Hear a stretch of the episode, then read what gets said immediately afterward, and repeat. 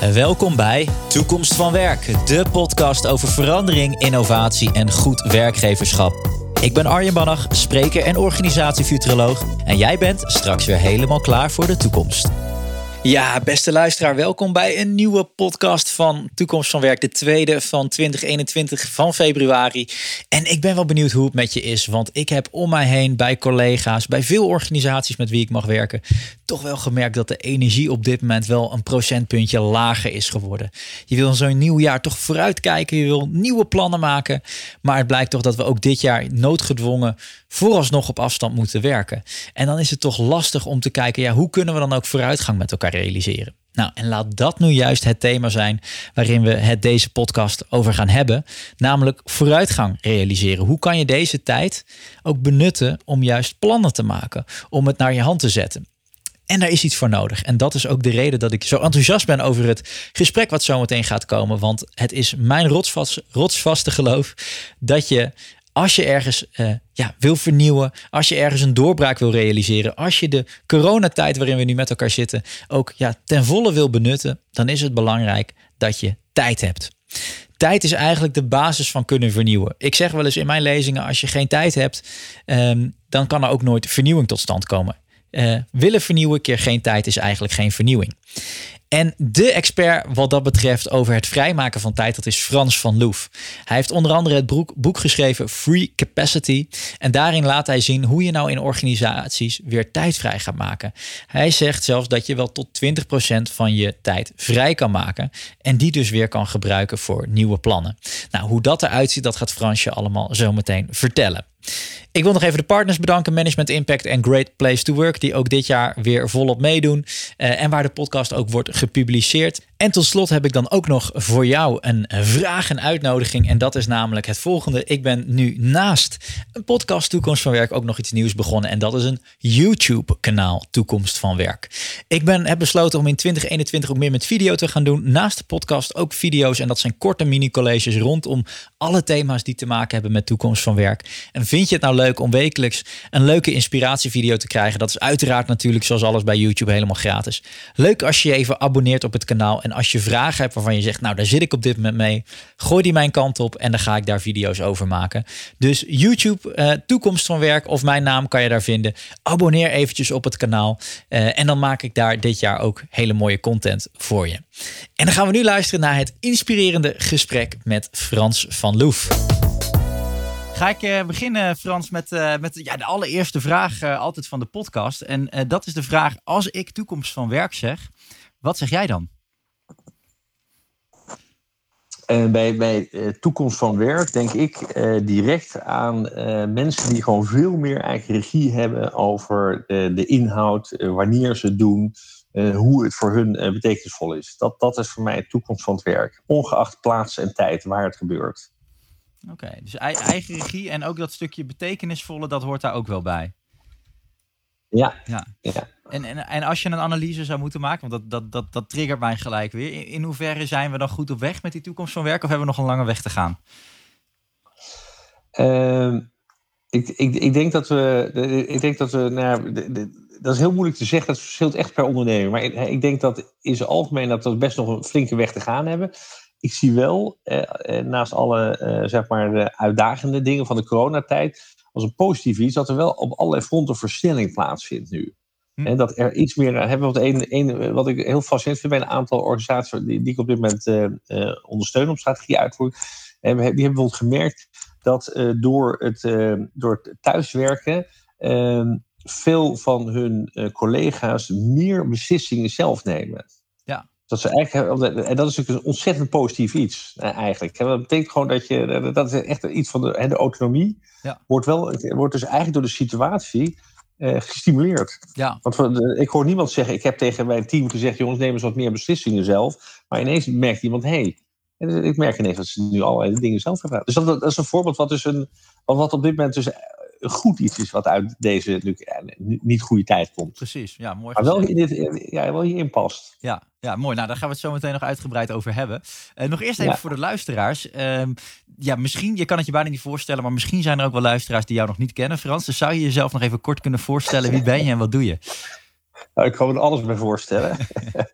uh, ik, ik heb, mijn achtergrond is, ik, ik heb allerlei bedrijven uh, geleid in eindverantwoordelijke uh, rollen. Ehm, waaronder bijvoorbeeld in de voedingsmiddelenindustrie. Ik heb een Bols drankbedrijf, uh, Steps Offcenter. En ik kwam eigenlijk altijd in die. Ik was altijd bij bedrijven waar echt de noodzaak was om, om echt een grote stap te zetten. Hè? Dus de strategische plannen moesten echt gerealiseerd worden door, door wat er gebeurde. En een van de dingen die, waar ik dan steeds tegen aanliep, was van uh, plannen bedenken en mensen enthousiast krijgen. Dat ging me eigenlijk wel makkelijk af. Maar de rauwe werkelijkheid was altijd van, uh, dan gingen we ermee aan de slag en het schoot nooit op, voor mijn gevoel. En niet alleen mijn vermogen team. En toen werd ik echt geconfronteerd met het feit dat we de, de hele allerlei dingen bedenken. En ook heel veel dingen starten. Maar dat we eigenlijk onvoldoende daar letterlijk ruimte voor maken om het ook gewoon te kunnen doen. Nou. dat heeft er eigenlijk toe geleid dat ik een aantal jaar geleden, uh, eigenlijk door uh, geprikkeld door een aantal mensen in mijn omgeving, die vroeg, joh, je praat wat zo makkelijk over en doet alsof het zo, zo simpel is. Kan je eens een keer bij ons uh, managementteam of, team een keer uitleggen hoe doe je het nou echt? En, en er werd, het grappigste werd al bijgezegd meteen, ja, we zijn niet op zoek naar weer een nieuw modelletje, want we, het ziet hier al zwart van de modellen. Maar hoe doe je het nou gewoon echt? Nou, zo ben ik eigenlijk dus een beetje door, door, door de situatie ben ik daarin terechtgekomen. En toen ontdekte ik twee dingen. Eén, dat in, in alle organisaties speelt, speelt dit eigenlijk. Hè, van waar maak je nou ruimte voor de echte grote stappen vooruit? En tweede was dat ik, ik raakte echt gepassioneerd door gewoon, uh, doordat ik merkte, hey, ik kan eigenlijk, het lukt mij heel goed om anderen te helpen. En er gebeurt ook echt wat. En zo ben ik eigenlijk in dat pad terechtgekomen waar ik nu zit. Dus nu help ik allerlei organisaties in, in, het ligt allemaal rond het thema van strategie eigenlijk uitvoering. Hè, alle hommels erin, maar primair, hoe maak je nou werkelijk ruimte en hou je die ruimte ook vast? Ja. Dat is een beetje wie, uh, wie ik ben, zakelijk dan. Ja, ja mooi, mooi. Ja. Um, en wel interessant. En het begrip free capacity, want dat is natuurlijk iets waar, waar jij ook onbekend staat. Dat, ja. dat heb je er uiteindelijk opgeplakt. Dat is eigenlijk de naam hiervan. Hè? Van deze, van, ja, je mag het niet methodiek noemen misschien, maar van deze gedachtegang je ja, ja. Want uh, wat, waar ik achter kom, en dat is, eh, daar ben ik vervolgens ook achter gekomen in allerlei internationale gepubliceerde onderzoeken, hè, ook onder andere in de Harvard Business Review-achtige media, dat, dat in eigenlijk in iedere organisatie wordt, wordt een behoorlijk stuk gewoon de capaciteit. De capaciteit van organisatie heb ik het over tijd, talent en energie van mensen, het collectief. Hè. In, in bijna alle organisaties wordt een behoorlijk stuk daarvan gewoon echt verspeeld. Ja. En het, het wonderbaarlijke is, ik dacht altijd dat dat eigenlijk vooral in organisaties was die het lastig hebben, weet je, of die in een zwaar weer zitten, maar niets minder waar. Ik, ik werk bijna uitsluitend voor ambitieuze, behoorlijk succesvolle organisaties. En ook daar speelt precies hetzelfde thema. Dus het free capacity kwam eigenlijk vanuit de gedachte van, hé, hey, waar ik ook kom, hè, ehm, er is gewoon overal heel snel capaciteit vrij te maken. Ja. En, uh, en zo ben ik op die naam Freak Capacity echt gekomen. Ja, mooi, ja, logisch ja. bijna. Hey, en, en, en, zou jij misschien ook um, uh, ons eens mee kunnen nemen in, uh, want het, dat het kan is heel belangrijk, maar wat is nou de oorzaak ervan dat, dat onze agenda's zo volstromen en, en dat het dus ook belangrijk is om weer tijd vrij te maken? Waar gaat het eigenlijk mis dat die agenda zo vol loopt?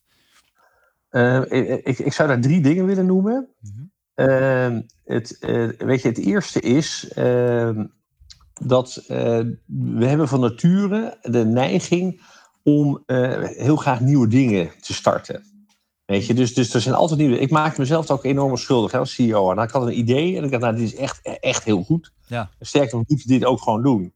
Nou, uh, ik kwam dus weer met iets zonder ik ooit de vraag stelde: jongens, kunnen we het erbij hebben? Dat, ik ging het gewoon bij. Dat noem ik stapelen. Dus de eerste belangrijke oorzaak is dat we enorme stapelaars zijn. Dus we, we zijn van nature geneigd we vinden het veel makkelijker om iets toe te voegen dan iets te stoppen en eraf te halen. Dat is één oorzaak. De tweede oorzaak is, uh, er zit een fundamenteel gat tussen mensen die dingen bedenken en mensen die het uitvoeren. Nou, ik, heb het allemaal, ik ben er eigenlijk allemaal op een rauwe manier achtergekomen in mijn, in mijn eigen rol. Hè. Ik dacht, ik kon iets bedenken.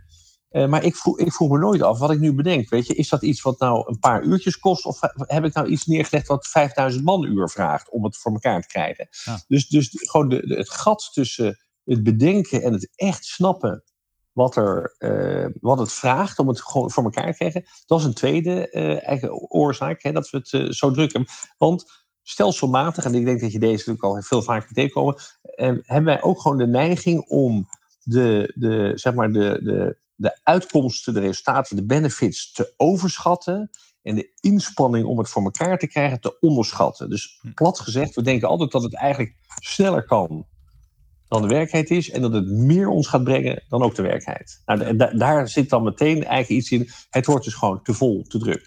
En de derde, ehm, de derde factor die, uh, die heel vaak uh, meeweegt waarom we het zo hebben, is dat ehm, wij vinden het gewoon heel moeilijk om keuzes te maken. Dus de makkelijkste route is geen keuze te maken. En, dat, en deze drie dingen zorgen ervoor dat we dat, dat, dat, dat, dat worstelen met dat, dat, er, dat er echt gewoon te veel tegelijk gebeurt.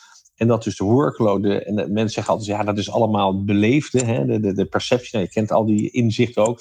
Maar ik durf te beweren, een, deel van die beleving is ook, is ook echt. Hè, in de zin van, dat is niet alleen de maar het is, het is echt zo. En het mooie is als je zelf, dat zou je misschien herkennen, als je zelf als buitenstaander in organisatie komt, maar je snapt wel hoe, je, je snapt wel hoe het werkt en je ziet de dingen, dan zie je, kan je ook heel snel zien, is dit nou een beleving of is dit echt?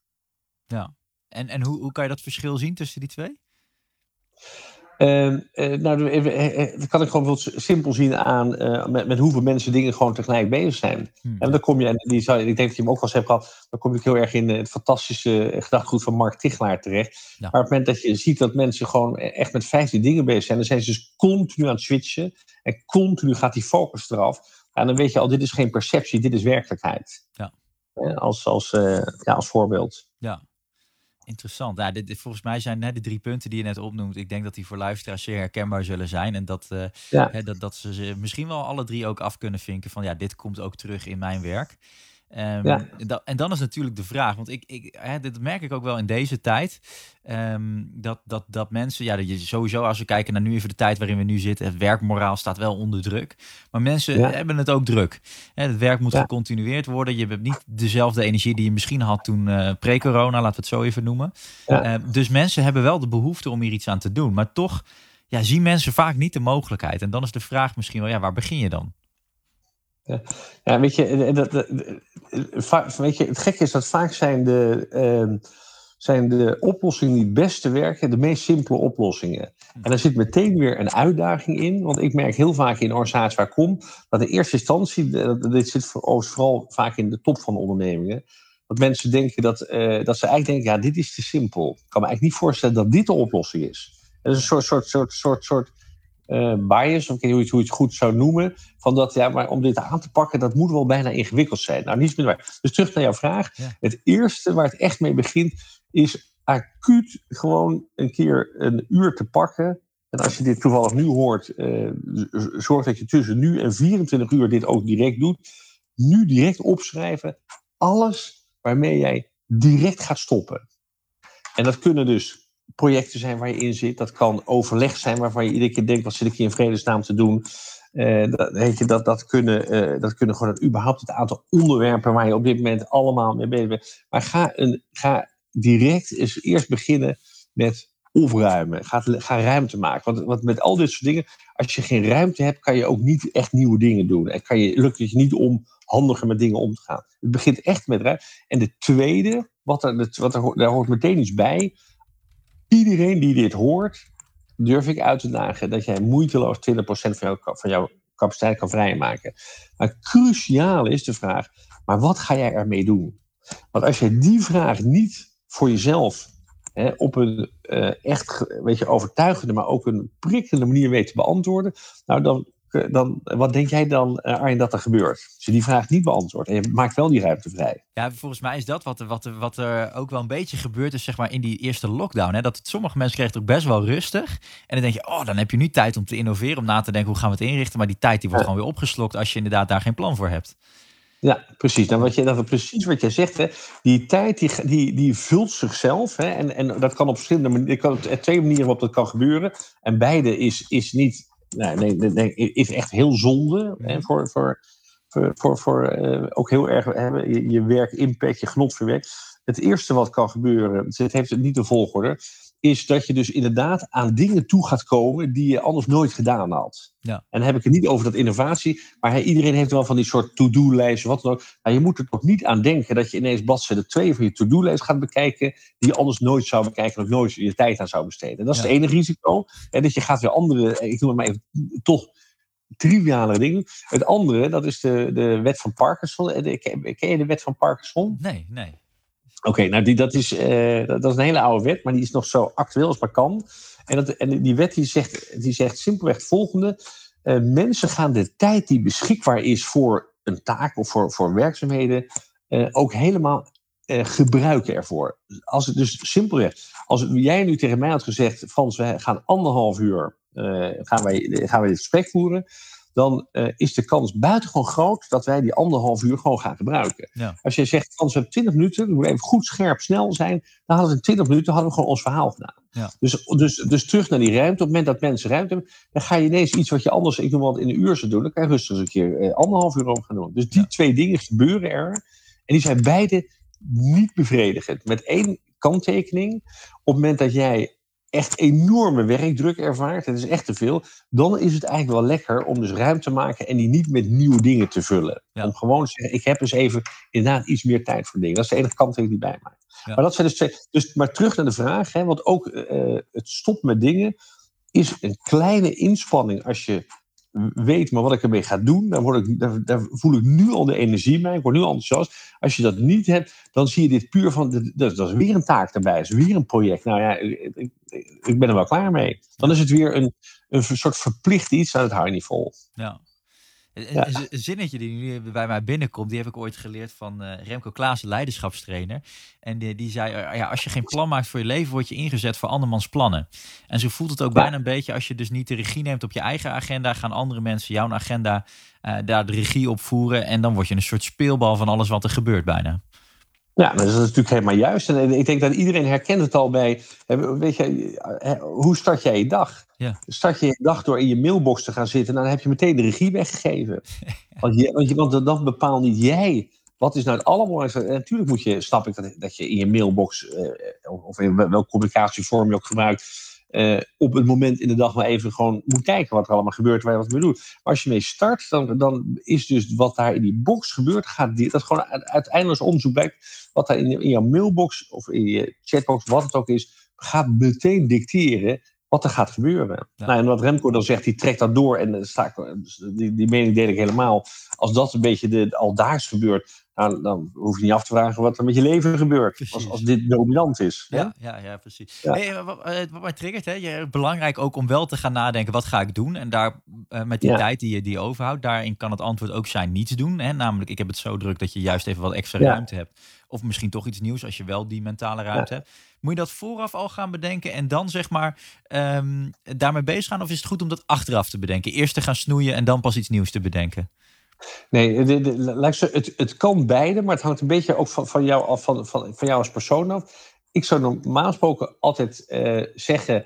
Uh, maak eerst een soort gedachte, maar die mag een ruw zijn wat je ermee gaat doen. Die hoeft niet helemaal doordacht, maar dat je wel een soort eerste gevoel. Want je, het, het, het moet een klein beetje, hè, moet, weet je, als die gedachte wat je mee gaat doen, niet op de een manier iets uh, al bij jou teweeg brengt in je gevoel. Van ik denk, nou, dit zou ik nou echt willen. Of wat zou het super gaaf zijn als ik daar nou echt eens even mijn tanden in kan je, je hebt dat even nodig. Want als je dat hebt, dan zal je zien dat je, dat je makkelijker de beslissingen neemt over stop. Want, want er zit nog één kleine, één, zeg maar, één kleine soort hiccup in. Het aanwijzen wat je gaat stoppen en het doen, dat zijn twee stappen. Dat is niet één stap.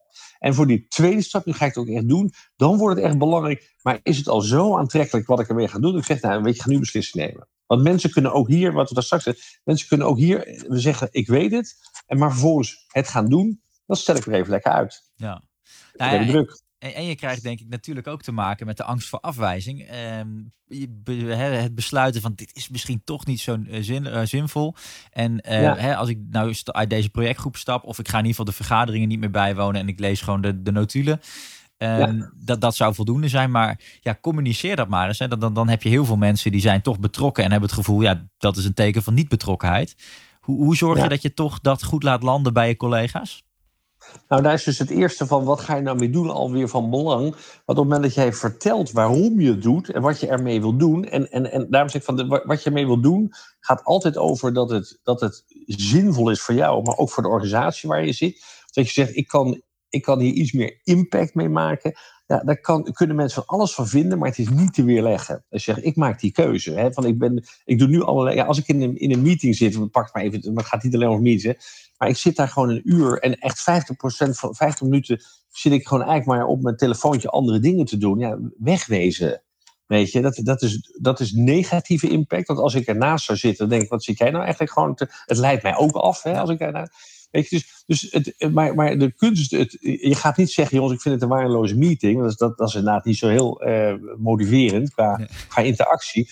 Maar zeg, jongens, wat ik merk is gewoon van, hey, ik, er is maar een heel klein deel hier wat, wat, wat voor mij nodig is, wat ik erin kan brengen.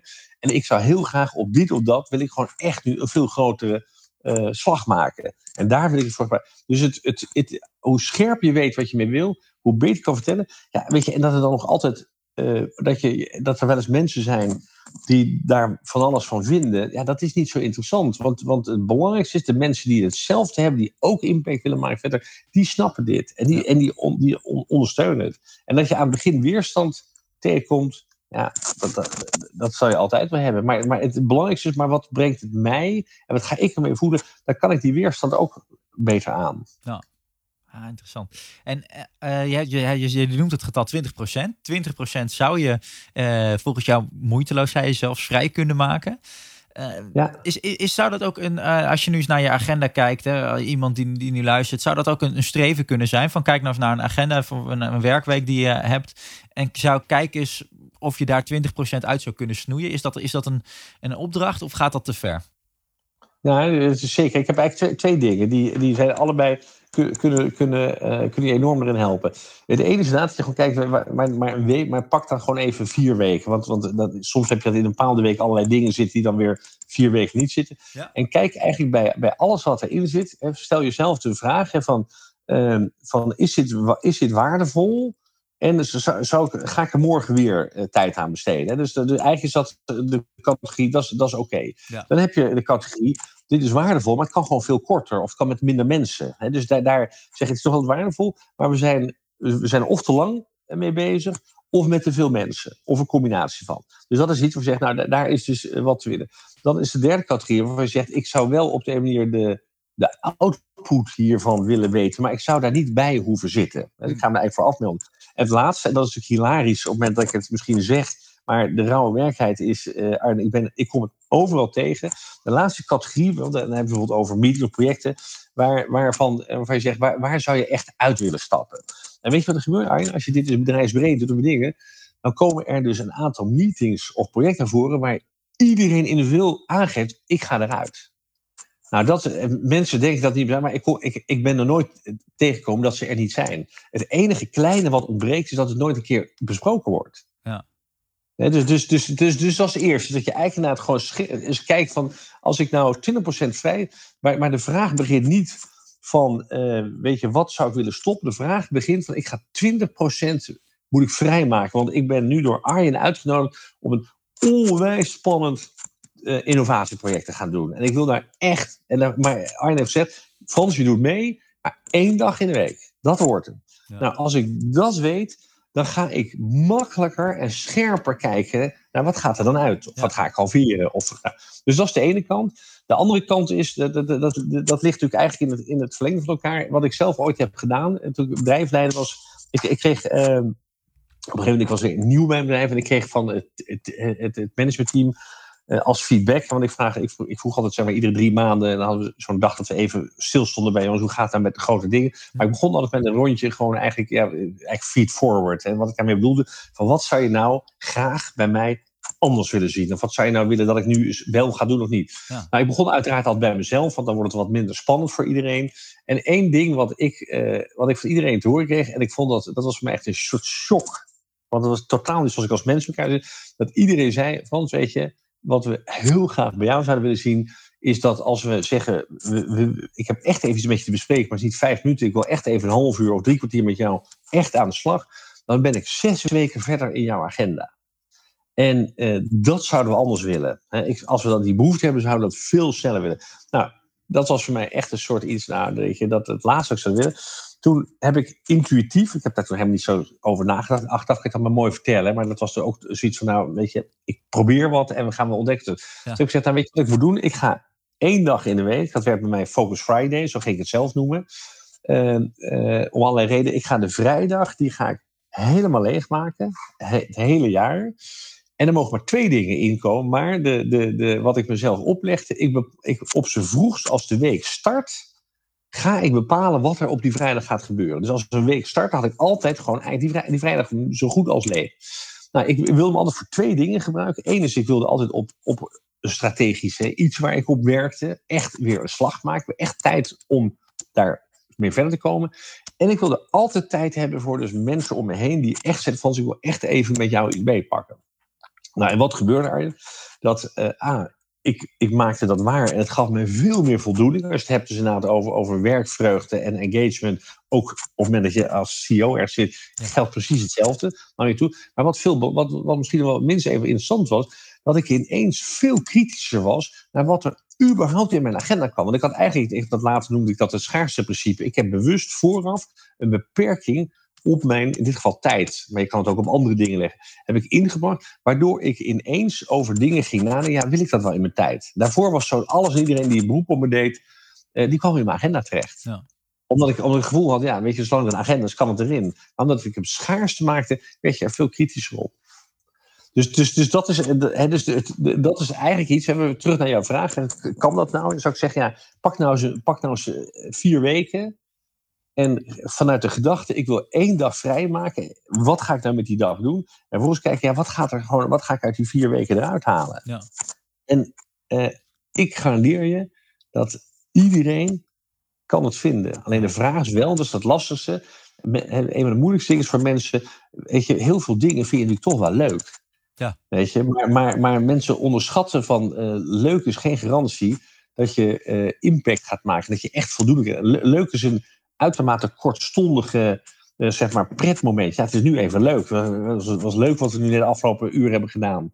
Maar, als, maar alleen maar van een heleboel leuke dingen. Dat betekent niet dat ik over een jaar als een, als een, als een super gemotiveerde werknemer rondom het gevoel heb dat ik iets aan het bijdragen ben. Ja, precies precies. En eh, ik denk dat als je, als je dit dan hoort, het, bij mij brengt het ook al veel energie teweeg. Dat ik denk, ja, dit is mooi, hier moet je mee aan de slag. Ehm, maar dan kan ik me nog wel voorstellen dat er niet per se een cultuur is. Want het is toch, het is toch ergens eh, logisch, maar ergens rebels. Uh, want je gaat eventjes tegen de stroom in. En dan kan ik me voorstellen dat je ja, dit besluit en dat je toch een leidinggevende hebt, een manager, die, die die toch een beetje begint te stijgen op het moment dat jij denkt van hé, hey, ik ga het net even anders doen. Of jij wil het misschien wel als leidinggevende of manager doen en je medewerkers denken van ja, waar slaat dit op? Hoe, hoe ga je daarmee om? Nou, twee, twee dingen. Dan gaan, gaan we even uit van een leidinggevende die eh, even eigenlijk overvraagt. Ja. En zo noem ik het even. Die, die gewoon toch meer van jou wil. Of, of eh, je ziet natuurlijk heel veel leidinggevenden die toch een beetje die stapelneiging hebben. Wat ik daar straks aangaf. Hè, want ze hoeven het zelf niet uit te voeren. Dus hop, daar, gaat er, daar komt er weer eentje op je af. Ja. Of, of ze hebben zelf weer iets gekregen. Een van de ergste dingen is dat iemand de afweging maakt. Hij kan of tegen mijn eigen leidinggever zeggen: ja, dit is echt te veel, moeten we niet doen. Of uh, ik zeg het niet en ik duw het zo snel mogelijk weer door naar een volgend iemand. Want ik zit toevallig in de plek dat ik het weer op iemands anders bord kan krijgen. Nou, het laatste is natuurlijk gewoon killing. Ja. He, jij bent zelf ook heel erg begaan met, met organisatieculturen.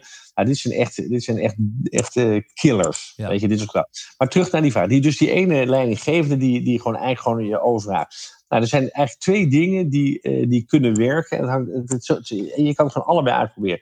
Het ene is dat je voor jezelf maar zegt, weet je, ik heb, dat is natuurlijk even de handigheid. Ik vraag, als je dat nog niet zou weten, ik vraag een leidinggevende, wat zijn voor jou nou de twee of drie allerbelangrijkste dingen die je mij in 2021 wil zien realiseren? Wat is het allerbelangrijkste wat ik hier gewoon voor elkaar krijg en wat ik afmaak, wat ik op. Daarmee dwing je om eh, de, de ander om eigenlijk zelf, als dat nog niet duidelijk is, aan te geven wat hij nou echt het belangrijkste bij jou vindt. Nou, dat heb je nodig. Want vervolgens kan je zeggen, op het veel is dat je zegt, weet je, ehm, ik wil toch dit doorbreken, want ik wil gewoon sneller op, en dan kom je weer met één of twee van deze dingen, ik wil echt gewoon meer snelheid op die voortgang maken. Maar eigenlijk zit deze persoon al bijna klem, want ten eerste heeft hij echt gezegd wat hij het allerbelangrijkste vindt, en vervolgens zeg jij, maar weet je, het gaat nu, want heel vaak is het zo dat het, dat, uh, het gaat gewoon te langzaam, omdat je weer te druk bent. Hè? Dus, dus dat is de ene kant. Dus dat je hem eigenlijk eerst, als het ware, het een beetje framen wat je doet, hè, op die punten. En vervolgens zeg je, en daar gaat die tijd in. Dat is de ene kant. Nou, dan, dat kan bij een aantal kanten werken, want die gaan er zelfs over nadenken en zeggen, ja, eigenlijk heb je wel helemaal gelijk. Want ik, het levert mij ook... De, de, de cruciale vraag is altijd, wat, wat, wordt, wat word jij en wat wordt jouw leidinggevende er beter van? Wat gaat het jullie opleveren als je dit ook voor elkaar krijgt? Ja. de andere kant is, dat is, heeft natuurlijk, zit je heel erg in de categorie van hoe zeg je nou op een, uh, op een uh, mooie manier nee en kom je er gewoon mee weg. Ja, want dat is de, andere, de andere wat je gewoon net, daar komt, daar komt er iets. Nou, daar, daar, uh, daar zijn ook allerlei manieren voor om dat te zeggen. Hè? Nou, dan, ons niet uit punt doen, maar, van dingen die, die wel heel effectief kunnen zijn, is dat je, dat, dat komt uit de beïnvloedingspsychologie. Hè? Dat stel dat je hebt iemand die komt iedere keer maar weer met nieuwe dingen. En als jij dan zou zeggen van, uh, Frans, uh, weet je, sorry, maar ik heb, ik heb gewoon echt druk, het gaat niet lukken. Hè? Dan, en dan loop je heel grote kans dat ik zeg, ja Arjen, weet je, denk jij dat je druk hebt, moet je weten hoe druk ik het heb. Dan kom je zo'n soort kansloos pingpongwedstrijdje over, en, wie heeft, en je legt het altijd af, soms wat meer. Maar het gekke is, en dat is, dat is in, in allerlei onderzoeken in de beïnvloedingspsychologie gebleken, op het moment dat jij zegt, weet je, Frans, als je dat echt wil, weet je, prima, maar ik zit echt vol. Dus ik ga dit doen, maar dan moet ik een ander ding nu gewoon echt even gewoon op de parkeerplaats zetten. Wil je heel even mee? Ik heb, ik heb deze drie dingen die ik ook al eigenlijk voor jou aan het doen ben. En uh, welke van die drie zal ik dan nu eigenlijk even gewoon on hold zetten? Of in ieder geval, ik stop daar voor, voor nu mee. Ja. Weet je wat gek is wat er gebeurt met precies dezelfde persoon? Die kijkt even en die zal over het algemeen in nooit zeggen, nou laat die maar, laat die maar gaan. Ja. Dus wat je dan doet, is dat je gewoon één, erbij, is, en dat noem ik het schapprincipe hè, van, van de winkelschap, zo even die metafoor vertellen. Dat betekent gewoon, eh, ik, het is me toch gelukt om, ik heb er één bij gekregen, maar ik heb er tegelijkertijd één af weten krijgen. Ja. En het verschil zit in dat zo'n leidinggevende en dat is ook hartstikke menselijk, vaak helemaal niet jou uh, zeg maar, uh, op de hoogte houdt van waar zelf zijn prioriteiten aan verschuiven. Dus die, die prioriteit verschuift heen. Dus jij kan met iets bezig zijn, wat wij spreken zes weken geleden gevraagd is. Maar die leidinggevende, je hebt kans dat hij het al lang vergeten is. Dat hij al lang weer de aandacht ervan af heeft. Maar ondertussen denk jij, dat ligt er ook nog. En dan kom je op die, op die uh, perceptie. Je, je ervaart, ja, maar die ligt er ook nog. Ja. Dus heel effectief is bij dit soort mensen gewoon, gewoon zeggen, prima, maar kijk even mee, dan gaan we een andere aanwijzen. Mooi. En gewoon zeggen, doe het wel, doe het niet, dat, dat lukt niet. Ja, ja? precies. Ja. Ah, prachtig, prachtig. Hey, en, en, zou je dit, deze, dit principe nou ook, zou iedereen dat toe kunnen passen die aan het werk is? Of, zeg jij, dit is voor de ene makkelijker dan voor de andere? Of in beginsel voor iedereen? En welk principe doe je dan? Nou, eh, of, of elke medewerker, eh, eh, die, die, laten we zeggen, bijvoorbeeld ook die niet thuis werkt, of dat hoeft niet eens. Maar zou iedereen dit ook toe kunnen passen? Of zeg jij, ja, dit is voor sommigen meer geschikt dan voor anderen? Nou, ik, ik, ik, ben er nooit iemand tegengekomen die het niet kan toepassen. Maar je, het is wel zo dat de, de een pakt dit eigenlijk uit zichzelf op en de ander heeft daar een heel klein beetje hulp bij nodig. Hè, om even te zeggen, hoe, hoe doe je dat nou echt? En, en weet je, één belangrijk ding is, hè, dat, dat, uh, wat ik wel vaak merk, is op, op, op dit hele thema, hè, van hoe ga je nou effectief met organisatie om, uh, of met werkdruk. Uh, je, je ziet dat heel snel wordt dit helemaal naar het individu teruggebracht. En ja. ik zal je een voorbeeld geven. Bij, ik was bij in gesprek bij een, uh, bij een grote universiteit. En daar was werkdruk een enorm groot thema. En uh, nou, daar was ook besloten op het hoofdniveau, daar gaan we nu echt wat mee doen. Nou, werkdruk, daar, jij weet er heel veel vanaf, hè, maar een van de onderbelichte dingen is dat heel veel werkdruk, hè, inclusief burn-out, ontstaat door organisatieoorzaken, niet door individuele oorzaken. Maar organisatieoorzaken worden vaak nauwelijks herkend, erkend of ermee geassocieerd. Dus wat zie je? Op het moment dat zo'n werkdruk speelde, ehm, werd gezegd, nou, daar moeten we wat aan doen. En in no time had ik ook, ik had daar ook gezegd, jongens, let, pas daarvoor op. Want als dat het enige is, ga je de essentie niet oplossen. In no time kwam er een soort à la carte menu met allemaal individuele programma's voor individuele uh, medewerkers van de universiteit. Nou, je, je zou mij niet horen zeggen dat daar niet bruikbare dingen zitten, maar dat lost niet de organisatieoorzaken op. Die kan je alleen beetpakken als je het collectief beetpakt. Nou, dat geldt bij waar we het nu over hebben ook, dat je maakt, je maakt een veel grotere slag als je het organisatie eh, breed, of in ieder geval de organisatie deel, in één keer beetpakt. Want jij zal ook wel, misschien, je hebt, je hebt COVID zo gelezen, maar er zijn natuurlijk allemaal van die persoonlijke effectiviteitsprogramma's, weet je, die, die zijn in de essentie qua inzichten, zijn die best, er zitten hele goede dingen tussen. Maar als jij de hele dag in interactie bent met allerlei uh, anderen om je heen, en die gaan niet mee in diezelfde slag, dan heb je het heel snel, ben je het gewoon weer kwijt. Want lukt je niet in je eentje. Ik kan jou uitleggen waarom je nooit meer een uur een overleg moet hebben, maar gewoon drie kwartier. En je moet het kwartier vrij houden. Dan kan je zeggen, nou Frans, dat spreekt me heel erg aan. Maar op het moment dat iedereen om je heen daar niet aan doet, en gewoon alleen maar met uren, ja, dan, dan sta je daar in je eentje. Ja, dat, dat red je niet. Dus het belangrijkste bij dit is dat je, eh, terug naar jouw vraag, hè, iedereen kan er individueel wat mee, je hebt hulp. Maar de grote slagen, die doe je wel op een, eigenlijk op een meer collectief niveau. En daar komt het, is dus wel van belang dat, dat, dat, dat leidinggevenden dit snappen en zien. En vooral ook erkennen wat dit gaat brengen. Enerzijds de termen hè, van, van de, de, de, de, de, de bevlogenheid van mensen, maar anderzijds gewoon echt in de harde vooruitgang op de belangrijke businessdingen. Ja, mooi. Ja, en, en, en, en wat je noemt even zo tussendoor ook alweer een mooie. Hè? Je zou alleen al kunnen beginnen met alle meetings gewoon niet meer standaard een uur, maar bijvoorbeeld drie kwartier in te plannen. Ja. En dan komt die wet van Parkinson misschien ook weer even terug. Het, dat, dat gaat je sowieso lukken. En alleen dat geeft al meer ademruimte. Ja, nou even, weet je, drie kwartier, dat is ook een... Dus het is onbegrijpelijk dat er überhaupt een organisatie zijn die met uren en, en allemaal aan elkaar vastwerken. Om een hele simpele reden. Want Arjen, wat, wat, wat denk jij dat in een, een, bespreking van een uur, wat denk jij dat de twee belangrijkste momenten zijn van een bespreking? Ja, een meeting. volgens mij zijn dat al het begin en het eind, toch? Ja, nou, wat, de, nou het tweede. Stel dat wij, wij, zijn, wij zijn de collega's. Hè, en je hebt de hele dag zit jij, ik weet, ik weet nog het Nederlandse woord, en zit jij back-to-back in afspraken. Ehm, wat gebeurt er nou, als je daar bestelt, wat gebeurt er nou in dat begin en het einde als dat jouw dag, als jouw dag er zo uitziet? Dat zien we heel erg in, de, in, de, in thuiswerken. Mensen zitten continu van de ene. Wat, wat gebeurt nou met het begin en het einde, denk je, als dus dit allemaal achter elkaar zit? Ja, ja, wat je ziet gebeuren. Mensen zijn gewoon hè, de twee muisklikken weg van de ene in de andere meeting. Dus er zit mentaal gewoon nul ruimte in. Ja, hoe stap ik die ene meeting in? Voorbereid, maar ook hoe laat je hem achter, die, die andere. Ja, ja, exact, dat is het. Hè.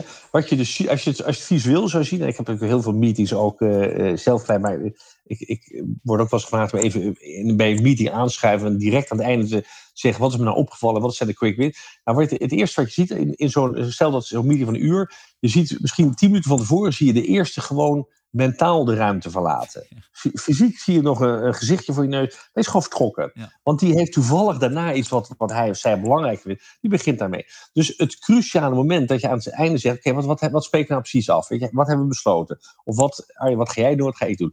Dat moment zie je dat, dat, dat op het moment dat achter dat de, de meeste mensen zijn er al niet meer bij. Dus vaak worden meetings heel onduidelijk afgesloten. Sterker nog, ik, ik hoor ongelooflijk vaak, ik heb zelf gezien, uh, meetings waar de volgende keer gewoon iets terug op tafel komt, wat al lang eigenlijk afgehandeld was. Maar iedereen heeft het gewoon niet goed uh, op. Het tweede wat je ook zegt, je hebt tijd nodig om te landen in een nieuw onderwerp. Nou ja, op het moment dat jij één klik, één klik zit in het volgende, ja, dan ben ik er nog een. Ja, ik ben fysiek verschenen, maar mijn hoofd zit er nog helemaal niet. Nee. dus dat landen ook. Dus op het moment dat het begint, voor je het weet, begint het gewoon onduidelijk. Of heb ik, ik heb, wat jij zegt, ik heb helemaal niet goed nagedacht. Maar wat wil ik hier nou uithalen of wat wil ik erin stoppen? Dus lang maar kort te maken. Op het moment dat je een uur naar, terugbrengt naar drie kwartier hè, en anderhalf uur naar vijf kwartier, twee uur moet je überhaupt niet, want er is niemand die twee uur gefocust kan blijven. Uh, betekent heel simpel, als je, als je dat kwartier tussen zet, creëer je dus A, dat, dat je het goed kan afronden.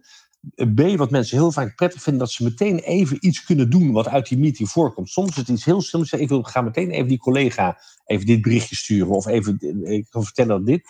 En je hebt even een moment om voor jezelf te zeggen: wat is nou het allerbelangrijkste wat ik uit die volgende afspraak halen? Ik heb mezelf aangeleerd, omdat ik, ik, ik kwam op een gegeven moment te vaak uit afspraken, dat ik werkelijk, zal het bij niet geloven, ik werk gewoon binnen 15 minuten dacht: man, jongen, ik heb wat ik echt had willen doen. Ik heb het gewoon niet gedaan. Ik heb het niet bij stilgestaan. En dat was simpel, omdat ik niet vooraf, dat doen ze nu altijd, iedere afspraak die ik heb, bedenk even vooraf, wat is het allerbelangrijkste wat ik in deze afspraak uh, uh, wil inbrengen of wat ik eruit wil halen. En als ik dat doe, het, het, gebeurt mij nooit meer dat dit niet in de afspraak die ik heb gewoon gebeurt. Maar wel omdat ik die ruimte ertussen heb gecreëerd. Dus, dus die ruimte, hè, dus, dus die drie kwartier, betekent gewoon niet dat je zegt: oké, dan ga ik allemaal drie kwartieren aan elkaar vastplakken. Nee, je kan prima op een uurbaas werken, maar, je, maar drie kwartier maak je voor. En die wet van Parkinson, die vertelt al bijna ook al waar, waarom het gewoon kan. Er zijn heel weinig meetings die, die een normaal uur duren, die niet drie kwartier kunnen. Ja. Hey, en voordat we naar, naar het einde gaan, Frans, uh, wil, wil, ik toch even een. Uh, ja, toch, ja, dit heb ik meegemaakt. En, en toen, toen, dacht ik, ja, dit vind ik lastig. En toen dacht ik, die vraag ga ik eens bij Frans neerleggen. ik had een sessie met een, met een gemeente. En nou, je zou het een beetje free capacity kunnen noemen. Het ging over. Dit is ook een moment om te creëren. Ik geloof heel erg dat in echt de fase waarin we nu zitten. We gaan niet meer terug naar het oude. We zullen meer dan nooit hybride gaan werken. Een stukje op kantoor gaat weer terugkomen, maar we blijven ook op afstand werken. Ja. En daarin is het belangrijk dat je nu, nu het braakliggend terrein er is, uh, met elkaar gaat nadenken over hoe gaan we dat invullen. De tijd die je nu in besteedt, daar heb je over een aantal jaar dan heel veel profijt van. Dus ga, ga experimenteren, ga kijken wat werkt voor ons. En toen zei een leidinggevende tegen mij, die zegt, ja Arjen, op dit moment onze mensen, die hebben het zo ontzettend zwaar. Die kun, kunnen net aan het werk wat ze moeten doen, kunnen ze net aan doen of soms al eens net niet. En ja, daar kan ik nu ook niet van ze gaan vragen om mee te gaan denken over hoe het beter kan. Hè? Dat, dat stukje vernieuwen of innoveren, dat lukt dan niet. En toen dacht ik, ja, dat, dat snap ik ook wel dat dat in deze tijd zit. Maar ik denk ook, ja, als, als dit uh, de mindset is, ja, dan gaat het ook nooit gebeuren. Maar ik, ik, toen liep ik een beetje vast. Ik ben wel benieuwd hoe jij dat ziet. Want volgens mij zijn er altijd kansen. Maar hoe, hoe breng je die dan, hoe laat je die dan zien? Nou, wat, wat, jij, eh, wat jij nu aanstipt, dat is eigenlijk het, fundament, het meest fundamentele van hoe je nou een strategie of een plan of een visie in beweging krijgt. Ja. En, en, en een van de grootste uh, valkuilen die we daarin hebben, en ik heb gezegd dat ik eigenlijk ik non-stop dit moment niets anders doe dan met organisatie op deze slagen werken, is dat uh, die, die, die visie, of hoe willen we dat nou, hoe, willen, hoe zien we dat voor, dat nieuwe werk, hè? Uh, dat is natuurlijk onwijs goed om daar eigenlijk iets heel concreets van te maken. En dat kan, hè, want er, is nu zo, er zijn zoveel inzichten dat je maakt. Maar dan komt hij. Maar wil je dan bijvoorbeeld met je, met je organisatie slag maken, dan moet je terug naar een heel klein stapje gaan. De, het, want wat je vaak ziet is dan. Uh, dat is ook wel in versneld tempo aan het afnemen. Nou, daar, daar, hebben we de, de werkvormen hè, als, als uh, agile werken, Scrum, die helpen er ook bij. Maar je ziet steeds meer dat uh, je, je hoeft niet dat helemaal in te vullen. Je hoeft geen roadmap te maken van hoe komen we dan op dat punt. Het belangrijkste is als je heel goed weet hoe je, waar je naartoe zou willen. En je weet de eerste twee of drie maximaal kleine stapjes. Dat je zeker weet, als we deze zetten, dan zijn we absoluut in beweging die weg. En dat is waar de crux zit. Dus terug naar wat jij zegt. De kunst gewoon van wat is nou het eerste stapje. En al is het maar een klein stapje wat wel die kant op gaat. En waar ik eigenlijk ook misschien voor een hoop mensen best wel iets, uh, uh, iets uh, ruimte in weet te maken. Dat ze meteen iets van een, een voordeel ervaren. Of iets, een, een werk. En dat is de crux. En, die, en overal, ook weer overal zijn die aaien. Ja. En, en alleen het, het lastige is dat, dat, dat, dat, daar kom ik weer op, hè, dat complexe situaties vaak hele simpele oplossingen vragen die juist werken. En mensen hebben het idee van, ja, maar is dat alles? Ik zeg, ja, het is, het is alles. Want als jij de eerste twee stapjes zet en het lukt ze, dan, dan is de kans dat je de derde en vierde stapje doet, neemt nog exponentieel toe. Precies. En wat is nou dat eerste stapje? En weet je wat dan het laatste wat je erover moet meegeven? Weet je, je kan, je kan zo vijf dingen bedenken. Het is volstrekt niet interessant of je nou, of nou uh, in gedachten nummer 1, nummer 5 had moeten zijn, of nummer 4, nummer 2 het, dat is niet interessant. Het interessant is, er zijn er een paar. En pak er nou één en ga hem doen. Ja. En laat je mensen mee bepalen. Want hier geldt ook weer voor. Als je, als je tegen uh, mensen zegt, ja, we, we, gaan wat doen. Dan ervaren ze het weer van, oh ja, weet je, wordt er weer wat opgelegd. Hè? Kijk weer bij. Maar dat je zegt, jongens, in het kader daarvan hebben we gewoon drie of vier ideeën. Waar zouden jullie nou mee willen starten? Dat is een beetje parallel weer. Hè? In plaats van dat ik, dat ik vraag, doe het wel, doe het niet. Ga ik zeggen, wijs aan. Heb je diezelfde mensen die zullen dus heel goed kunnen aangeven. Nou, als we gaan doen, dan zou ik die als eerste willen zien. Maar doe het maar met een team. En het je, hebt, je hebt gewoon in no time op tafel. Prachtig, mooi. Ja, en ik denk, hè, want een klein stapje kan altijd ook. Dus ik denk dat dat al een mooi uitgangspunt is. En het gaat inderdaad ook misschien niet eens om het resultaat van dat kleine stapje, maar wel dat je in beweging bent gekomen. En zo kan je misschien weer meer naar je hand zetten. Ja. ja, het enige wat wel belangrijk het, het moet wel duidelijk zijn. Het zijn twee dingen. Het, het stapje moet wel echt bij dat plaatje waar je naartoe wil passen. Want als, je, als, je dat, als ik een heel verhaal nodig heb om het uit te leggen, dan, dan is het geen goede eerste stap. Nee, precies. En het tweede is, uh, het moet voor iedereen zichtbaar zijn dat het je, dat het je op de manier vooruit brengt. Als het niet zichtbaar is, dan is, dan, dan is het alweer niet motiverend. Ja. En vaak zeg je met een stapje, het, het, het is een beetje in elkaar het moet of meetbaar of zichtbaar zijn. En beide is goed. Maar mensen moeten wel zien, oké, er gebeurt dus wat en, en we komen verder. Ja, Of de stapel wordt kleiner, of ik doe minder tegelijk. Of ik heb, ik heb gewoon iets meer ruimte voor dingen. Het, het, kan, het, maakt niet uit wat het is. Eén ding en doe het collectief. Hè? Want op het moment dat je weer zegt, jongens, kies maar je eigen ding, kansloos. Okay. Want er zit, dat, dat, is, dat versterkt elkaar niet. Het werkt elkaar echt tegen. Ja. Ja, en als je dan een succesje hebt, dan werkt dat aanstekelijk. Dus dan, uh, ja. Uh... ja, en het geeft ook een soort gevoel van: oh, het is niet zo groot en veel als ik eigenlijk dacht. Als je, weet je, ik weet niet of jij wel eens van die visieverhalen, kan je eerst word je heel enthousiast. En dan ga je, dan ga je wat meer over horen. En denk je: Mozes, man, hoe kan ik dit ooit hoe kan ik ooit hier tijd voor gaan En dan gaat het, dan in no time kantelt het enthousiasme zich. Maar op het moment dat je dat grote meteen naar een heel klein dingetje terugbrengt, dan, sla, dan, dan voorkom je dat gevoel van, ja, ik stand me mooi en aardig, maar dacht je dat ik dit ook nog allemaal erbij kon doen, wat je nou allemaal bedacht hebt. Ja. Je maakt het gewoon van groot, wat abstracter, naar klein en heel behapbaar. Ja, mooi. Prachtig. Uh, Frans, voordat we naar het einde gaan, uh, de laatste vraag. Um, waar kunnen we meer van jou vinden? Je hebt natuurlijk het boek geschreven, Free Capacity. Uh, ja. Waar volgens mij deze gedachtegang en de, deze visie, die staat daar allemaal in opgeschreven. Ja. En, en als ja. mensen meer van jou willen weten? Ja, de website die ben ik net weer, die ben ik net weer aan het aanpassen. Dat is, dat is zoiets bij mij. Hè? Dat, dat, dat loopt altijd ver achter de feiten aan. Ja. Maar ik ben, nu ben ik die weer aan het uh, aanpassen. Weet je, en ja, als, weet je, ik, ik ben altijd heel erg de graag dat ik mensen gewoon help zonder dat ik daar iets voor, voor terug hoef. Dus mensen die het interessant vinden, weet je, laat ze even met mij uh, via LinkedIn contact leggen. En ze mogen gewoon vragen stellen. Ik geef altijd een antwoord. Leuk. Het, soms kan het een weekje duren, soms is het. Maar ik geef, als jij met een vraag komt, in dit kader waar we het nu over hebben, geef mij een antwoord. Super. Dus even benaderen via LinkedIn. Ja. En dan uh, tot slot een, uh, de laatste vraag. Um, heb jij nog een leuke mediatip? Een boek, een podcast, een film? Een, een, een, het kan van alles zijn. Iets wat je bent tegengekomen, een TED-talk. Waarvan je zegt, nou, dat heeft mij in ieder geval, als het gaat over toekomst van werk of iets wat daar aan linkt, dat heeft mij wel geïnspireerd. En dat, dat, dat kunnen mensen ook, andere mensen ook inspireren. Ja, weet je, ik, ik, ik zou me niet verbazen als veel mensen het al kennen. En toch ga ik het weer noemen. Weet je, het, het boek Focus van Mark Tichelaar is echt gewoon, uh, dat is een must read. Dan ga je komende twee jaar maar één boek lezen of naar één ding luisteren, moet je van Mark. Want iedereen heeft te maken met die, met die uitdaging van hoe kan ik focus aanbrengen, hoe kan ik focus vasthouden. Mooi. Dus ondanks dat, die, uh, dat misschien veel mensen maar hebben, maar de vraag bij dit soort dingen is altijd, die geef ik dan meteen mee. Misschien al, als je dit hoort, denk ja, dat heb ik al gelezen, ik heb het al gedaan. Maar dan is mijn vraag, maar wat doe je ermee? Want ja. daar, het gaat niet om dat je denkt, wat is die markt toch briljant of wat een fantastisch ideeën. Maar het is alleen maar fantastisch als jij er wat mee doet. Ja. En dat is de echte vraag. Dus ik wou hem combineren met Ja. jouw vraag. Mooi. Doe je er wat mee? Ja? Ja, focus aan uit van, eh, van Mark Tichelaar. Tof. Ja, Mooi. absoluut. Ma- Mag ik je hartelijk danken voor, eh, voor je bijdrage, Frans. Ja, nou superleuk. En jij ook enorm veel succes met jouw hele mooie avonturen. Onwijs goed wat jij doet, Arjen. Mooi.